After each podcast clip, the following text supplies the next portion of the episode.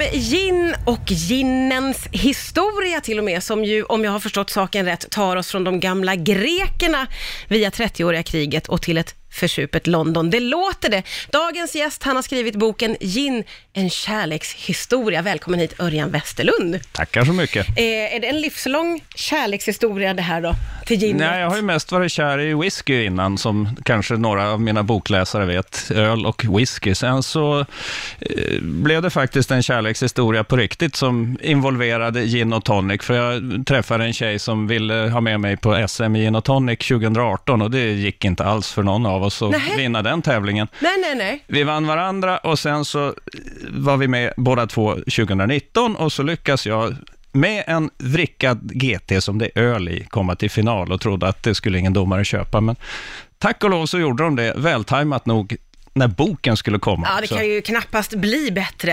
Eh, den här boken, eh, det, den innehåller ju inte bara eh, recept, utan också historien bakom. Och den tycker jag är jättespännande, för gin har liksom funnits med länge. Ja, jag tycker själv att sprithistoria är oerhört roligt och, och även om jag har skrivit ett par böcker som handlar om 101 öl och 101 whisky man ska prova innan man dör, så eh, är det ju faktiskt sprithistorien som är det roliga och samma sak med ginen och det var väl det jag höll lite provningar eh, när det gällde gin för jag ville komma in i ämnet och insåg hur otroligt fascinerande det var, som du sa, från gamla greker och 30-åriga kriget och, och mm, spritkryddning som egentligen är ganska lik vår egen spritkryddning fast med andra förutsättningar då. Och eh, sen har ju ginen boomat något oerhört senaste tio åren i världen och även i Sverige. Så att det drar ju med lite och det drar ju upp mitt intresse också, för folk är så intresserade av det. Ja, ja, okej. Men du, det här eh, med att ginen har funnits med så himla länge, det har bitvis så har man trott att det har liksom funnits någon slags medicinska... Ja, det var väl så det började. Det, det vet vi väl alla att Ja, man brukar ju säga att whisky är det bästa som inte hjälper mot förkylning och det är lite det. grann så med enbären också. Ja. Eh, och det finns väl någon slags konstaterad medicinsk verkan av enbär när det gäller till exempel njurar och hosta och lite slemlösande effekter och sådär. Och, och det kan väl vara en ursäkt nog för en gin och tonic. Just det, det är mest det det handlar om. Ja. Det är en, en ursäkt så att säga. Eh, men du, eh, det här, eh, väldigt många när jag säger gin tänker på en eh, klassisk GT. Hur, hur, den fanns inte med på de gamla grekernas Nej, den är ju senare och senare än vad jag trodde också. Den, den kom väl först in på sent 1800-tal som känd drink i alla fall. Ja, okej. Någonstans 1638 vet man att barken från kinaträdet hjälpte mot feber och, och det gjorde man väl inte så mycket av i den här vägen då, men, men eh, sen kom väl britterna på att mot malaria är det bra med kinin och blandar man då malaria med eller blandar man då kinin med citronjuice och sockerlag och bubbelvatten, då har man ju så småningom uppfunnit gin och tonic. Och eh, 1868 är de första dokumenterade det är ett hästlopp i Punjab där man faktiskt dokumenterar då att man dricker sant? gin och tonic. Ja, det- För då har man uppfunnit eh, Indian tonic som är bubbelvatten med kinin i och så blandar man det med resten då. Så Ja, ja, den har hängt med ett tag ett får man ändå Ja, säga. den är gammal, ja, men Ja, ungefär lika gammal som de flesta andra gamla drinkar som vi känner till. För Ja. det är någonstans 1850, 60, 70 som det börjar komma drinkböcker och så. underbart, vi ska fortsätta prata om gin. Du har ju också tagit med dig en vacker liten drink som står här och väntar på mig som vi ska Ja, det börjar bli testa, vana nu tänker. att dricka GT i direktsändning. Det ska vi fortsätta med. Jaha, vad är det för konstig vana du har? Det är ingen vana här, men jag kan absolut smaka på den. Vi ska fortsätta prata om en liten stund här. Jag måste säga att jag tyckte det var väldigt kul att bläddra i boken utifrån att det finns så otroligt mycket att läsa om drycken, men det finns också recept naturligtvis. Och det slår mig att det, är ju, det finns väldigt många liksom, klassiska recept som innehåller gin, eller hur? Ja, det gör det. Och, och för att ginen är klassisk bassprit i drinkar kan man väl säga. Då. Vodkan passerar väl på 60-talet, 67 i USA, Ja. som största sprit och har väl inte gått passerats av ginen i nuläget heller, men, men eh, som bartender tror jag att det är roligare, eh, får jag intrycket av dem jag pratar med, att, att det är roligare att blanda på någonting som har smak. Mm. Eh, Ja, och sen kan man säga också i dagsläget då det finns sånt otroligt stort utbud så, så finns det ju smak både av lagrad gin och kryddad gin som, som sticker iväg åt alla möjliga håll. Så att det är en väldigt rolig spritsort trots att den eh, kanske kan tyckas som bara gin. Ja.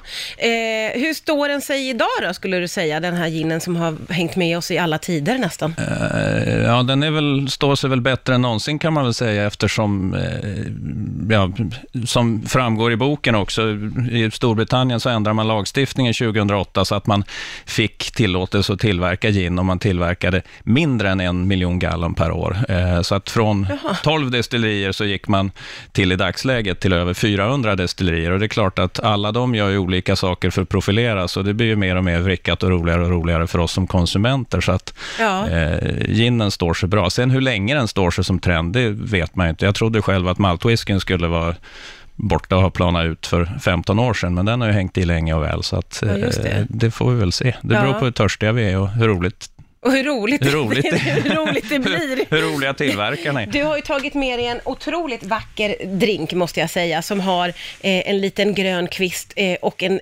vacker torkad apelsinskiva. Jättefin är den. Berätta lite om vad det är du har tagit med här. Ja, passande nog så blev jag ju, som jag sa, indragen i en tävling och, och till min stora förvåning vann den då i, i Hur kan man amatörklassen. bli indragen och sen vinna hela skiten? Ja, man gör en drink som den här, som man blandar. I det här fallet skulle det vara av lokalpatriotiska skäl Härnögin och så var det lite eh, puré som jag hade gjort på mango och passionsfrukt. Eh, och sen så på med lite hibiskus. Schweppes har ju en hibiskus tonic, för Schweppes ordnar ju tävlingen då, så då får man använda deras tonic.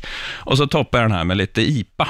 Okej. Eh, och det tänkte jag att det där är vrickat nog för att komma med i finalen, men det kommer jag aldrig att vinna, för det liknar ju inte en gin och tonic. Sen filade jag lite på receptet, så det blev lite mer gin och lite mindre av det andra. Ah, ja, så ja, att, så okej. att den, den, de tyckte att den var gin och tonic-lik, glädjande nog. Då. Ja, eh, Jag blev förvånad och tajmade ju väl med en bok som skulle ut, då, för den var Smart, smart, precis redo i tryck. Då. Får jag fråga hur man liksom kommer på en sån här drink? Alltså hur laborerar du hemma då med massa olika smaker? Ja, eller hur jag det har där till? glada vänner. Ja. Eh, nej, det väl, har väl att göra med ölintresse egentligen från början. Att, att jag hade väl en tanke, för att tävlingen går ju ut på sen fem år att man ska hitta på något nytt med gin och tonic. Och då säger ju de flesta, hur svårt kan det vara att blanda en gin och tonic? Mm. Gin och tonic. Men, men sen ska man ju skruva till det på något vis. Och, eh, som ölintresserad då, så, så kom jag väl på att med den här fruktpurén så får man en, en fruktig touch som kanske kan knytas ihop med den humle som finns i mycket modern öl, IPer exempelvis, då, som, som också har en fruktig ton. Och det experimenterade jag mig fram till då, och eh,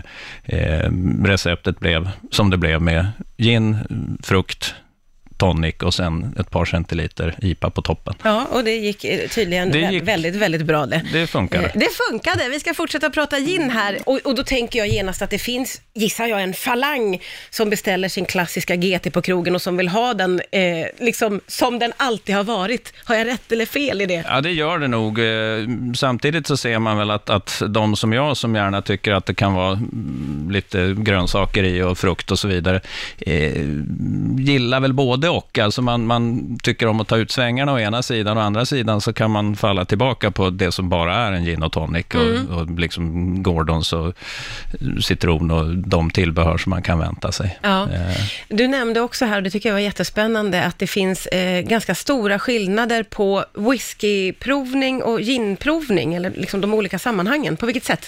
Ja, det som också jag skriver i inledningen på boken, att, att eh, whiskynördar, jag själv inräknade, vill ju gärna kunna allting om allting och, och då kan det bli lite svårt att få en syl i vädret om man nu känner att man inte kan allting. Däremot en ginprovning urartar ofta direkt i och med att folk börjar diskutera vad de ska dricka nästa lördag och vad de har blandat med och vilka lingon som ska i, eller om det ska vara tranbär eller rosmarin och så vidare. Så att man, det, är en, det är en betydligt större respektlöshet för ämnet och det är väldigt roligt att hamna i den diskussionen om jag står och håller en provning, för att det är ju det någonstans jag vill komma åt och även med boken väcka intresse och Ja. få folk att tycka att det är roligt. Ja, det där låter ju liksom roligare och mer högt i tak då på något Ja, sätt. Att jo, det liksom det finns kan man nog säga. utrymme. Vad beror den där skillnaden på, tror du? Eh, dels så tror jag att gin som sprit är en så pass ny trend så att det har inte hunnit byggas något, någon stor respekt för den. Och sen, sen finns det väl också, om man ska vara elak, en, en eh, å andra sidan då, så inarbetad kunskap om whisky många, eh, hos många så att det kan vara svårt att våga ge sig till tal om man nu, om man nu sitter Man har bland folk som... respekt man har respekt kanske. för de Ja. som kan mycket. Ja, ja. Eh, och det är klart det finns folk som kan jättemycket om gin också, men, men eh, det, det är lite öppnare diskussioner. Sen är det en jämnare könsfördelning.